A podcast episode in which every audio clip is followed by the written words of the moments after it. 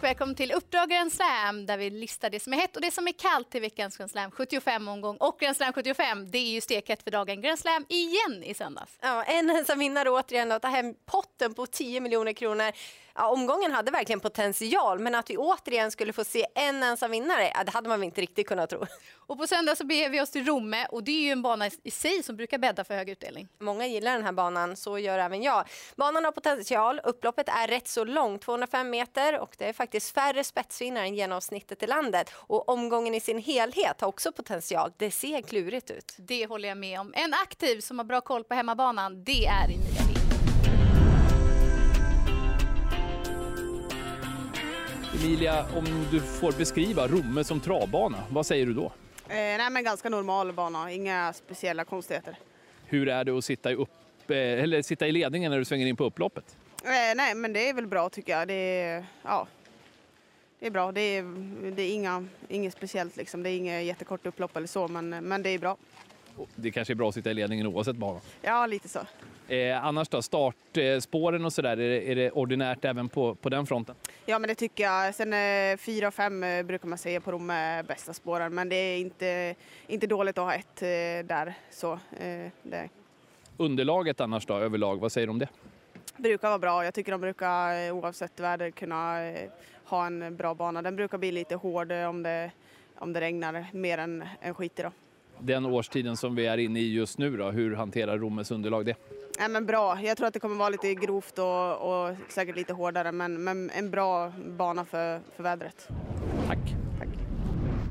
Ja, men det är ju en fin och normal bana, men man behöver inte bara jaga spetsvinnare på Rommetravet och det har vi faktiskt inte gjort heller. Nej, och vilka vinnare vi har, det kommer här i veckans heta.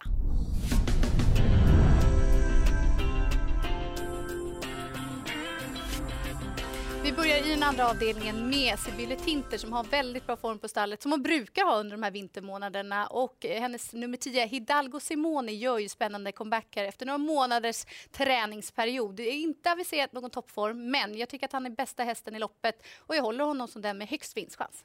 Och i den tredje avdelningen så vill du prata om Ulf Olsson som verkligen ja, nästan har dominerat på Grand Slam 75 i år. Men det är inte bara där han har radat upp segrar. Nej, han leder ju allsvenska kuskligan, snittar just nu på 25 i segerprocent. Det är starka papper. Och han hoppar upp här på, bakom nummer ett, Guli Bamse. Och det är ju en häst som kommer från en snygg seger på Eskilstuna. Och framförallt känns det som att det har lossnat lite för honom. Tidigare bort mycket pengar i karriären vilket gör att han fortsatt står sig bra i klassen.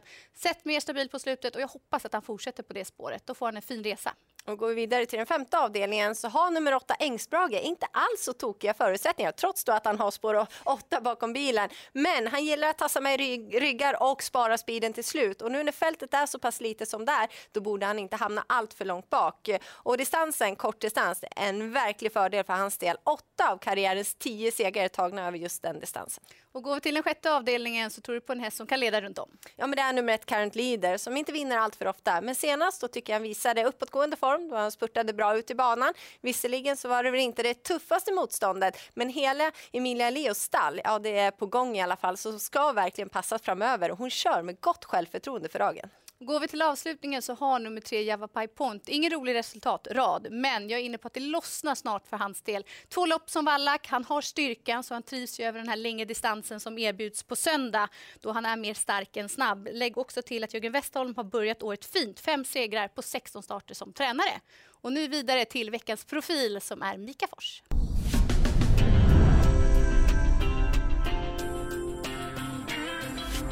Ja, Micka, vi tittar lite på dina chanser på Grand Slam 75-spelet, även om eh, eh, det är en stund kvar tills den spelformen drar igång. Djokovic, eh, innerspår bakom bilen, hur ser du på det?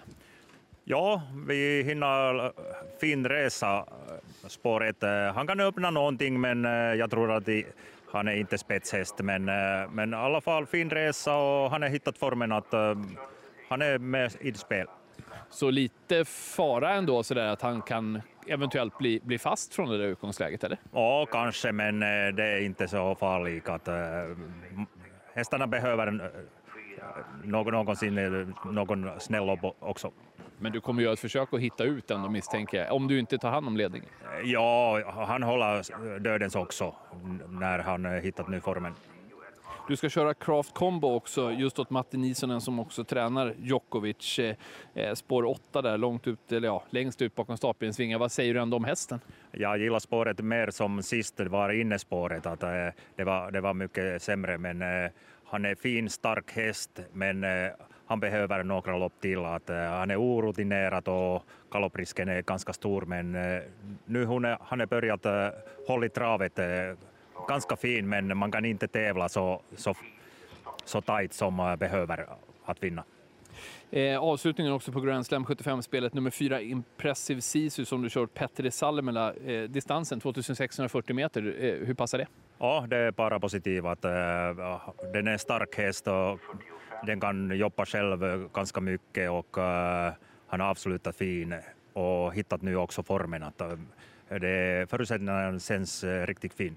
Ser det nästan ut som att du tycker att det där är din bästa chans, Impressive Sisu? Ja, också den Djokovic har formen att man kan vinna, men jag gillar den Impressive Sisu också. Lycka till. Tack. Ja, men han har spännande och intressanta hästar, men lite klurigt ändå. Han varnar ju till exempel då spår 1 för Djokovic. Det kan bli en fälla. Det kan det bli. Nu vidare i programmet och vi går till veckans kalla.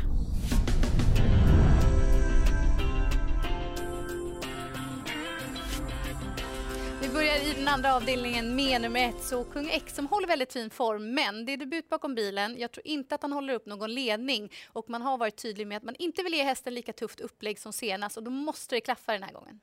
Och i den fjärde avdelningen så börjar nummer 13, Gigo Lamarck, att hitta formen. Men han har väldigt många runda och faktum är att han har aldrig vunnit för sulky på svensk mark. Enda segern i Sverige, ja det kom för Sadel och han har faktiskt tävlat bäst i Monté.